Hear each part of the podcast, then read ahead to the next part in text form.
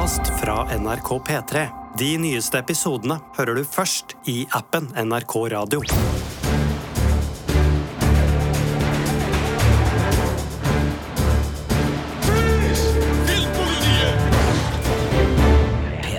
Velkommen til Filmpolitiet med Sigurd Vik, Birger Vestmo og Ingvild Dybfest Dahl. Det nærmer seg påske og hyttehøytid, og hytteturen er jo en type rekreasjon mange forbinder med kos. Men siden vi i Filmpolitiet kan være noen eh, skikkelige drittsekker, eh, så vil vi bare minne alle sammen på at hytta ikke nødvendigvis er et særlig trygt sted å oppholde seg. Eh, Birger, gjennom et langt liv i filmens tjeneste, hva er det typisk som kan skje på ei hytte? Man kan bli utsatt for demoner, for alle vet jo at eh, mørk skog er det ynda tilholdsstedet for eh, skumle krefter fra underverdenen, så det må man jo passe seg for, da. Det er flere filmer som har eh, demoner på hytta som tematikk, men det er også flere mordere som trekkes mot hyttefelt rundt omkring, skal vi tro, spesielt amerikanske filmer.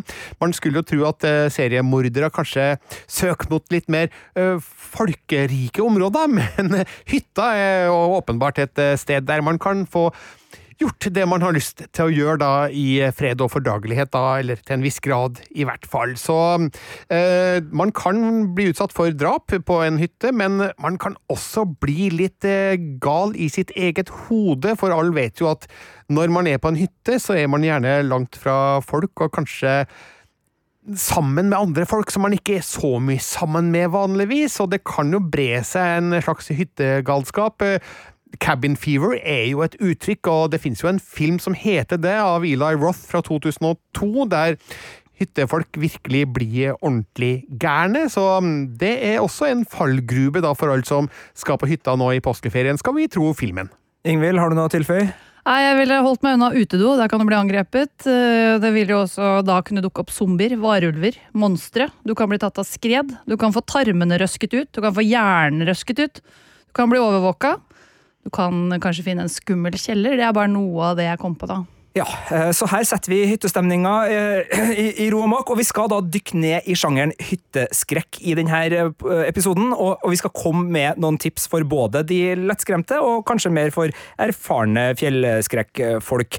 Men vi må starte med, med et lite riss her, Birger. Altså, hva er klassikerne i sjangeren hytteskrekk? Nei, Da vil jeg jo starte med fredag den 13., som kom i eh, 1980, og som eh, nå til sammen Jeg tror at det er tolv oppfølgere nå, eh, eller i hvert fall tolv inkludert den originale, da, og den satte jo i gang hele hytte-slasher-bølgen som skylte over Hollywood og resten av verden gjennom hele 1980-tallet, spesielt da med mange kopier og avleggere. Eh, Men fredag den 13. den satte i gang det hele, og der er jo Jason Voorhees eh, en gjennomgangsfigur. Til tross for at han kanskje ikke er så mye med i den første filmen, uten at jeg skal avsløre helt eh, hvordan det henger sammen. Men eh, etter hvert så blir jo han utstyrt med en hockeymaske, som eh, kanskje mange husker å ha sett han i da. Og det er faktisk først i den tredje fredag den 13. filmen at hockeymaska kommer med, da. Men den første originale filmen, den satte satt jo standarden på en måte, da. Den eh, eh, området, altså et eh, hyttefelt ved Crystal Lake, eh, som kanskje ikke er en sånn klassisk norsk hytte i høyfjellet-type hytte, men i hvert fall det er nært nok da til å kalle, kalles en, en, hytteskrekkfilm, det her, da.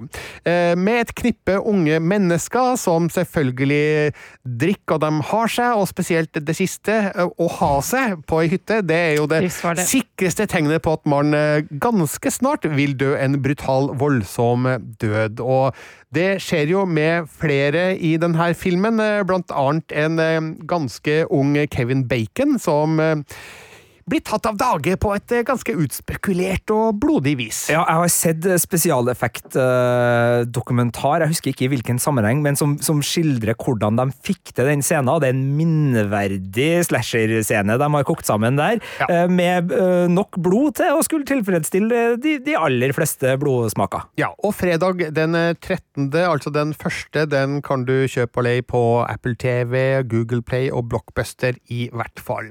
Eh, året etter, kom det en annen virkelig klassisk hytteskrekkfilm, nemlig The Evil Dead, der Sam Ramy debuterte som regissør og hadde Bruce Campbell i hovedrollen som Ash. Han er jo da en av flere hyttegjengere som drar til en avsidesliggende hytte, og tvert du ser denne hytta helt i starten av filmen, så får du jo lyst til å snu og rømme fordi den ser skikkelig skummel ut.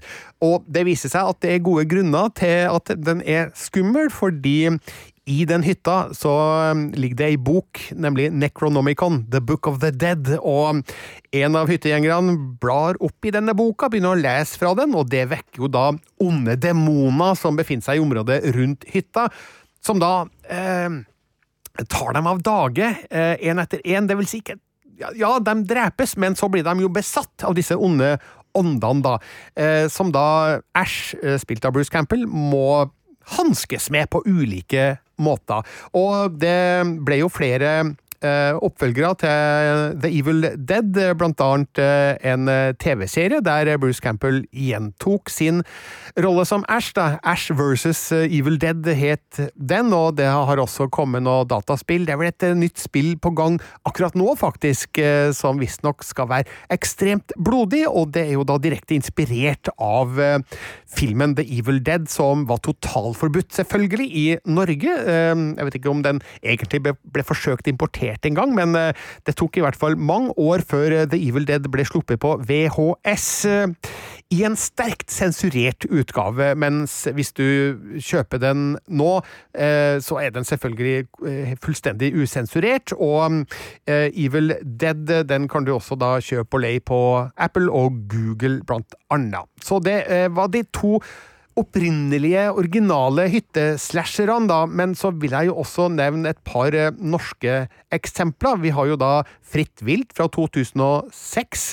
Eh, som Roar Uthaug hadde regien på, der et knippe norske venner må søke tilflukt eh, ikke i ei hytte, riktignok, da, men et nedlagt høyfjellshotell som jeg syns at det er nært nok til å kunne tas med her, da. Der en en morder viser seg å være til stede sammen med vennene som da søker tilflukt på dette hotellet, samt Død snø, da, Tommy Wirkolas film fra 2010, som ofte figurerer på internasjonale lister mm. over um, skrekkfilmer, og det er jo hyggelig uh, den dag i dag å se at uh, den filmen lever i den popkulturelle bevisstheten.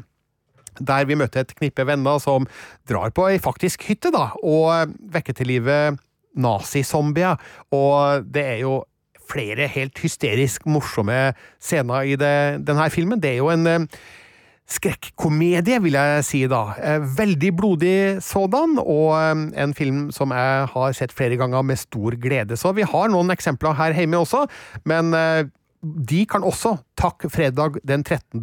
og The Evil Dead da, for å ha satt i gang denne hytteskrekksjangeren på ordentlig. Og det er jo litt gøy, Død snø i starten der når de skal opp på hytta. Han ene der er jo filmnerd. Og han starter med å liste opp masse sånne hytteskrekkfilmer hvor ting har gått gærent. Så det er veldig gøy med det metalaget. Så da kan man jo egentlig se også for å få tips til andre filmer. Ja, de lærte nok litt fra Skrik, tenker jeg der, da. Der også vi har flere figurer som eh, kjenner reglene fra, fra slasherfilmens eh, verden, så det var noe Tommy virkelig tok med seg til Død snø med stort hell. Det er en eh, sjanger som etter hvert har blitt veldig stor. Det lages mye uh, skrekkfilm og, og, tilhørende omtrentlige sjangere satt til disse hyttene, og i hvert fall hvis vi er litt rause, som du nå var inne på, Birger, med at vi kanskje tar med et forlatt høyfjellshotell, en, en leirskole her og der, og, og litt andre, så, så, er liksom den her vennegjeng, spesielt da på, på tur, ganske så forslitt, men, men, det gjøres jo fordi det ofte blir veldig underholdende. og nå tar vi en, en, enkel og god eh, tipsrunde med personlige favoritter fra hytteskrekksjangeren. Og Ingvild, du kan jo starte. Hvilken hytte vil du reise til? Jeg vil på en i skogen. Jeg vil til The Cabin in the Woods fra 2012. Den eh, ligger nå på Stream og Viaplay. Men jeg anmeldte den da den kom i sin tid. Og jeg var jo da, dette var jo før Joss Whedon eh, eh, fikk litt sånn eh, støv på ryktet sitt. Eh, så da, på den tiden var jeg stor fan av Josh, eh, Josh Whedon. Og han står jo bak denne, han har hatt en hånd med i manuset, som er skrevet sammen med regissør Drew Goddard.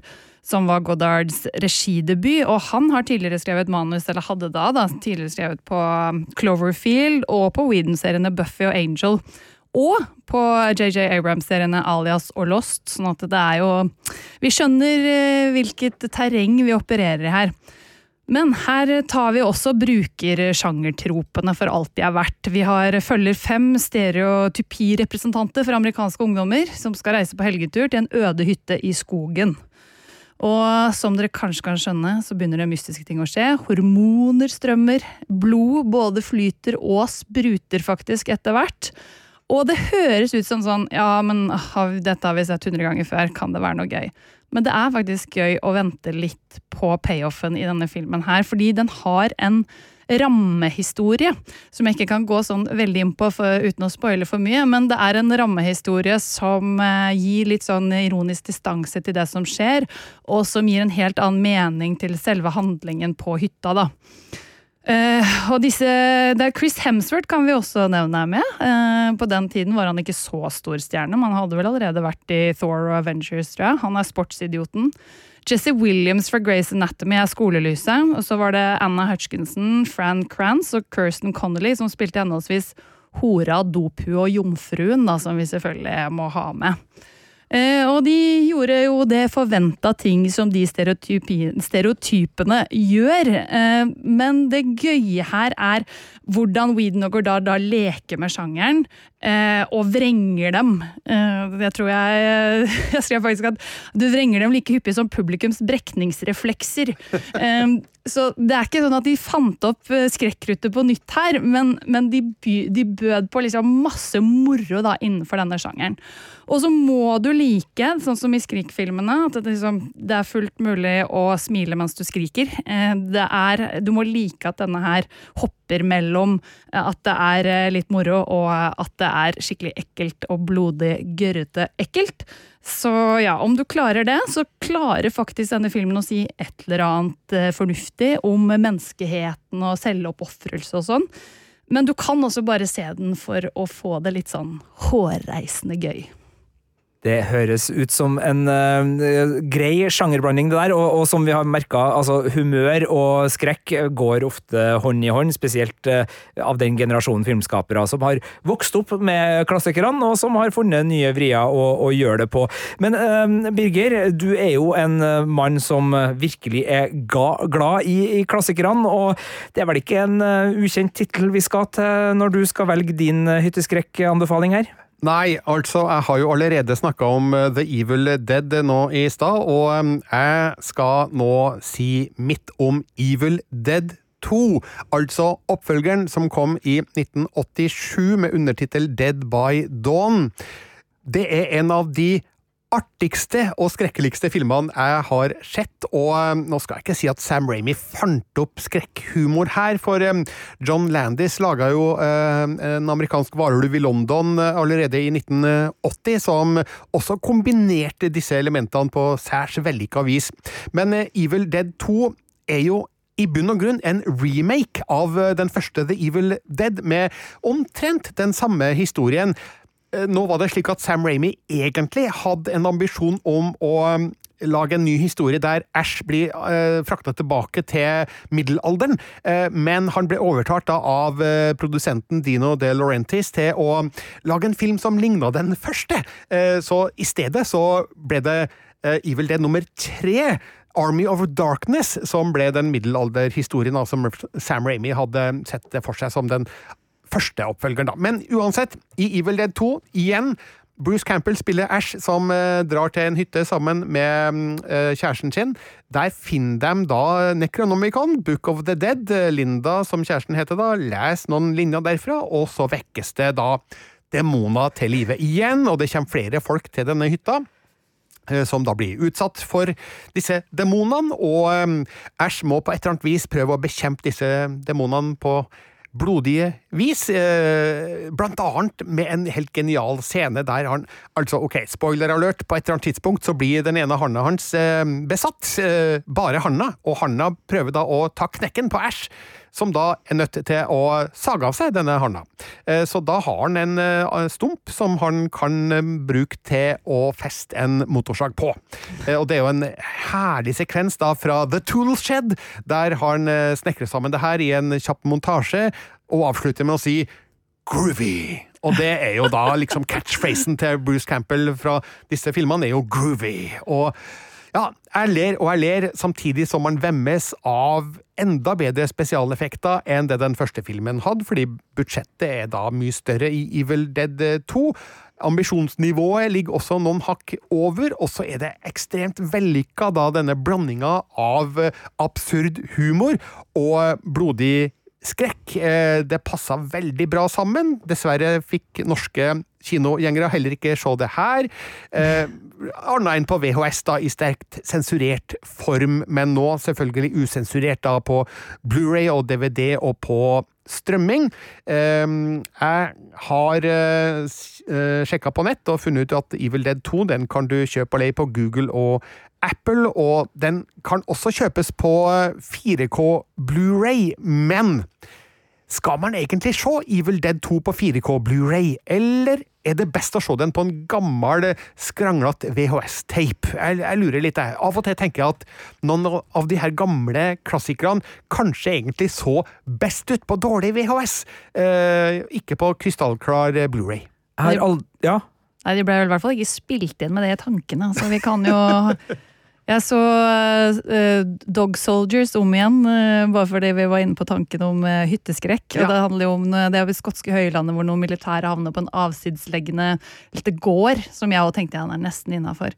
Men den nå er jo i det formatet, da, veldig sånn derre kornete, og du ser liksom blodflekkene splatter over skjermen, og da tenkte jeg at ja, men det er liksom noe av skjermen må se den. Ja. Er at du ser den i det liksom litt firkanta formatet, litt kornete og Ja, og, og, og i 4K UHD Blu-ray, så er det nok en fare for at eh, begrensningene i eh, budsjettet vises eh, litt for godt da når det gjelder spesialeffekter. Jeg trodde ikke jeg skulle oppleve dagen hvor Birger Vestmo eh, snakker imot uh, å se en film i høyest mulig oppløsning med mest mulig trøkk i alle kanaler, men her har altså dagen kommet. Men jeg skjønner argumentasjonen godt, Birger. Det, det er noe med å, å Eh, oppleve det sånn som det er tiltenkt. Men jeg vil jo tro at du ikke sier eh, 'ikke gå og se den på kino' hvis noen skulle sette opp eh, en god original 35 mm-kopi av The Evil Dead 2 en eller annen plass. Nei, selvfølgelig. Film er alltid best på kino, så hvis noen setter opp Evil Dead 2 så kommer jeg. Hvis jeg er i nærheten, i hvert fall da. Men din favoritt, Sigurd? Du, jeg skal litt nyere til verks, og, og tøye også strikken bitte bitte lite for hytte, for det er et feriehus. Og det er Airbnb, altså moderne Veldig utleie. Moderne. Veldig moderne. Hør hvor moderne det her er. Her har dere drevet og hamra løs på 80-tallsfilmer, eh, og, og, takk for det, Birger. Det er godt å vite at du, du holder den fanen høyt. og, og 2012, da, Ingvild. Altså, ja. ærlig talt. Nei da, 2020 eh, var året The Rental kom på kino. Det her er debutfilmen til Dave Franco fra, som regissør. Eh, og den har ei rolleliste som eh, nå står seg nesten enda bedre enn da, for det har gått litt tid. Altså, det er Dan Stevens som spiller den ene hovedrollen. Det er Alison Bree, det er Sheila Wond, og det er Jeremy Allen White, som kanskje har fått en anselig større status på de årene som har gått, i og med at han da spiller hovedrollen i TV-serien The Bear, som uh, ligger på, på Disney Pluss, men det skal ikke handle om uh, den serien her nå, det skal handle om The Rental, som da er fire venner, to brødre og deres kjærester, som skal ha seg en en ut, som drar på en veldig, det, men det er jo i, i det sjangerlandskapet hvor du absolutt ikke skal ha deg, så det er viktig å, å, å påpeke. Nei, De reiser på uh, en tur til et uh, feriehus ved sjøen som de har leid for å tilbringe ei helg sammen der. Og de møter allerede i starten, da, jeg tror det er broren til han som eier, som er en litt sånn mistenksom type, som, som uh, er litt sånn ja, Han er litt halvrasistisk, og han er litt sånn ufin i det de møter og, og de bare liksom Ok, greit, bra vi ikke skal ha noe med han å gjøre denne helga. Uh, ja. Det You wish! Eh, og så kommer de da inn, og selvfølgelig, de har med seg rusmidler, de skeier ut, det skjer ting som kanskje ikke skal skjees. Eh, og så våkner de opp og oppdager at fader, det er jo kamera rundt omkring i det her huset, blant annet i dusjen og rundt omkring. Hvorfor har noen plassert kamera i Airbnb-leiligheten. Det er litt creepy. Og så begynner det å skje enda mer creepy ting, og så begynner frykten for hva som er filma, og gjør at de kanskje ikke har så lyst til å ringe politiet som de kanskje burde ha lyst til, mm. og rusbruken er fremdeles også til stede der, og man tenker ja, det går sikkert bra, eh, og så begynner det å gå skikkelig, skikkelig dårlig. Eh, så det er en film som fungerer på to vis for meg. For det første så har den eh, det skuespillerlaget her som sørger for at den er god som relasjonsdrama. Altså, det her er ikke en hytteskrekkfilm av den aller aller enkleste sorten hvor uh, rollefigurene bare er der for å utfylle de rollene, og det er heller ikke en sånn film som leker med rollefigurene på en måte som er, ment å være humørfylt. Det er en film som oppfører seg som et ordentlig relasjonsdrama. Uh, som tilfeldigvis uh, foregår i en hytteskrekkfilm. Uh, sånn at man blir engasjert i de relasjonsdramaet som foregår da mellom de to brødrene og kjærestene som også har en, en relasjon. Og med da øh, øh, liksom Alison Bree, som er en, en, formidabel skuespiller, og Dan Stevens kanskje spesielt, som var de jeg beit meg merke i da jeg så han. de har en god relasjon, men også Jeremy Allen White er veldig god i en litt sånn øh, trøbbelkid-rolle. Altså, han, han, har kanskje noen noe grunner, ekstra gode grunner til å ikke få politiet til å komme dit, som, som også på en måte er med å gjøre spenninga litt ekkel. Og måten liksom, det dramaet bygges på, gjør at man er engasjert. Og når da skrekkelige ting begynner å skje, så er det også selvfølgelig artig, men, men da skjer det innenfor en dramafilm, da, og det, det syns jeg var en litt sånn fin vri på det. Samtidig som den der øh, vi skal leie et feriehus eller ei hytte, og den overvåkningsskrekken kjennes også litt sånn uh, halvaktuell og litt skummel ut. Man har jo kanskje sett noen avisartikler opp igjennom med at eh, det er ikke bare bare å leie privat eh, når man skal ha seg feriebolig, og filmen spiller effektivt på, på, de eventuelle uroene som gjør at man kanskje tenker seg to-tre omgang, eller kanskje går noen ekstra runder neste gang man har fått seg en Airbnb-bolig man, man, er litt skeptisk til. jeg syns filmen er Eh, underholdende og god. Den er ikke briljant. Altså det, det, det, var ikke en terningkast seks, det var en terningkast fem da den, den kom. Men jeg syns stemning og, og Her skal også nevnes at Joe Swanberg, som er liksom en av de store aktørene bak Mumblecore-bevegelsen, for dem som er glad i det, og en av de sentrale i det å gi Greta Gerwig en, en karriere. altså Laga mye, mye, spennende film. Han er også med på, på screenplay her, så sammen med, med Dave Franco de har liksom funnet en litt sånn indie-tone. da. Det er litt flåsete å bruke det indie-begrepet, men det er en litt sånn indie-tone i filmen som treffer meg litt ekstra godt. Så det kan jeg også bare putte inn i miksen, da, sånn at uh, folk som syns at uh, litt sånn mumblecore og indie-filmer er litt seig og litt treig og litt uh, tynn, så er kanskje ikke The Rental absolutt den anbefalinga, men hvis du liker den type film, så får du også da en hytteskrekk-variant av den sjangeren. Så er det jo veldig inkluderende av at du utvider hyttebegrepet, sånn at nå alle som ikke nødvendigvis har en hytte de skal dra på i påska, men har leid et feriested, de kan også være livredde for at noe kommer til å skje. Vi sprer skrekkgleden utover. Men jeg tenker jo at eh, det her har jo vært en, en episode hvor vi eh, sammen med alle de andre som ikke skal verken på feriehus eller hytte, skal bare godte oss over at vi ikke skal det, eh, og heller bare være glad for at vi slipper alle disse potensielle problemene med demoner, med overvåking, med folk som tar livet av deg på utedoen, eh, og alt det her. og Derfor så har jo jeg tenkt ut en liten avstemning som vi kan ha her nå, sammen med dere som hører på. Hvis dere går i appen NRK Radio, så er det bare å bli med på denne avstemninga. Altså, hvis man skal se noe i en påskeferie. Er det hytteskrekk, eller er det påskekrim? Ingvild? Jeg vil jo si hytteskrekk hver gang jeg har bypåske. Og så påskekrim kanskje hvis jeg noensinne skal på hytta. Ja, for min del så går det nok i påskekrim, da, fordi eh, når man ser på TV i påska, så er det gjerne sammen med familie, og da er det ikke alltid at hytteskrekkens virkemidler er like familievennlige, så da blir det snill, pen og ren britisk påskekrim, tenker jeg. Jeg tenker at uh, jeg har ikke sett Evil Dead-filmene siden jeg ikke så dem da jeg var barn, men så dem, men ikke så dem, hvis du skjønner hva jeg mener. Altså, så, Vi skjønner hva du antyder. ja, ja. Så, så, så jeg tror jeg skal uh, unne meg en, en hytteskrekkfilmstart uh, på min, uh, som også blir hyttefri start på påska.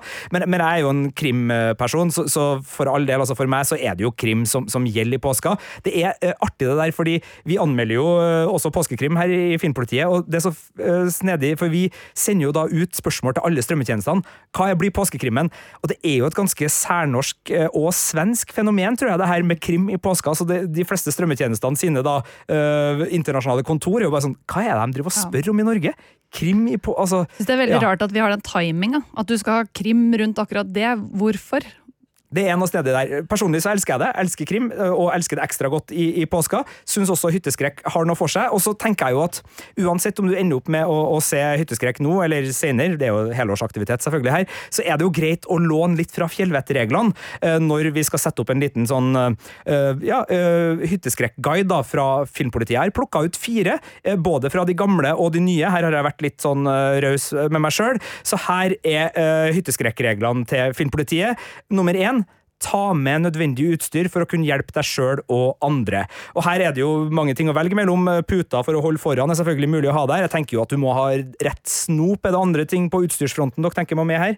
Nei, altså, man eh, trenger jo selvfølgelig også da en god kald pils for å liksom døyve skrekken som sitter i deg. Bedøve deg litt? Ja, bedøve deg litt. Ja. Muskelavslappende, veldig Ja. bra. bra. E-book selvfølgelig også mulighet her, men min Birger eh, sitt tips eh, står. Eh, eh, nummer to på, på regel eh, så har vi jo venn i tide. Det er ingen skam å snu, og det gjelder vel altså om du merker at filmen er for skummel eller for blodig, er det da lov å gi seg? Eh, Nei, ikke hvis den er for skummel, fordi det her skal du, du skal utfordre deg sjøl i, tenker jeg da. Men hvis du ser en, en film eller en serie du merker at ja, men det her er for dårlig, da er det lov å ja, prøve noe annet da, for å ikke kaste bort eh, egen tid. Ja, jeg mener det er litt skam å snu, altså. Men du kan jo bruke regel én og ha med deg en pute og eventuelt ørepropper, sånn at du Eller bare justere ned lyden litt.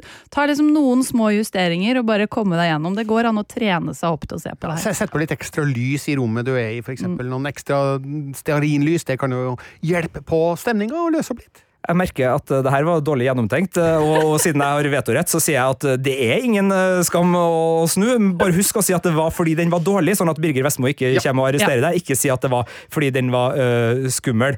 Uh, altså, folks uh, skjermtid, den, den er jo verdifull, så her må man jo verne om den og bruke den på det, på det man vil. Men ja, det var nummer to. Nummer tre, spar på kreftene og søk ly om nødvendig. De går jo litt på det samme her.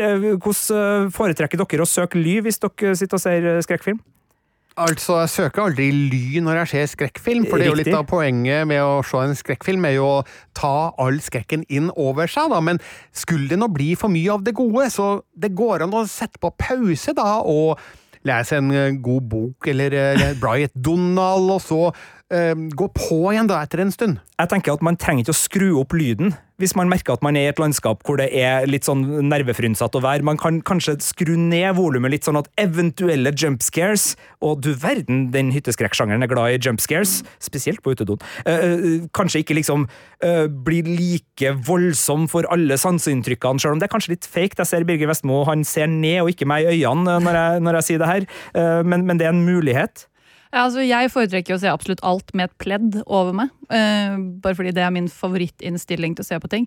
Men det hjelper jo veldig hvis du ser skrekkfilmer òg. For i den grad det er lys, så kan du bare dra teppet litt sånn lenger opp rundt halsen, og da føler du deg tryggere med en gang. Sitt med lue og dra den litt sånn diskré nedover, i hvert fall hvis det er en sånn vennegjeng. Jeg har jo blitt uh, Jeg ser en reklamefilm støtt og stadig som en pizzareklame, hvor to venner som sitter på hver sin side av en lettskremt person, uh, bruker sine egne lyder for å få vedkommende til å ikke se, sånn at de kan spise pizzaen.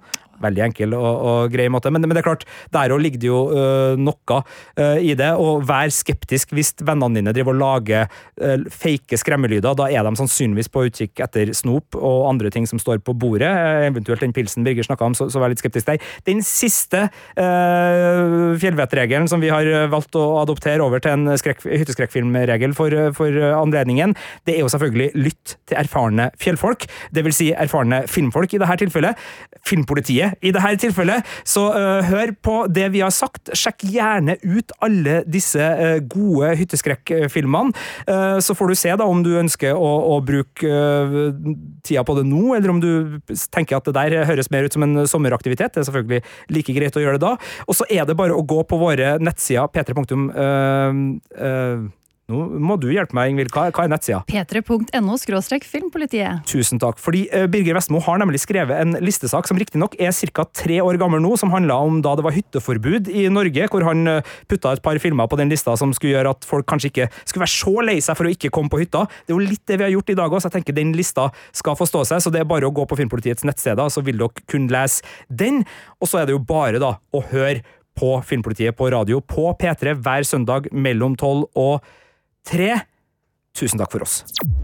En marsdag i år kjører flere politibiler langs en smal, slapsete grusvei i Vestre Värmland i Sverige. De stopper foran et enkelt rødmalt hus med hvite karmer. Der tar de seg inn og går gjennom rom for rom. Til slutt finner de det de har leita etter. I en fryseboks ligger en død norsk kvinne. Hvem er denne kvinnen, og hvorfor endte hun opp inni en eh, fryser midt inne i skogene i Värmland? Hør alt fra Oppdatert kun i appen NRK Radio.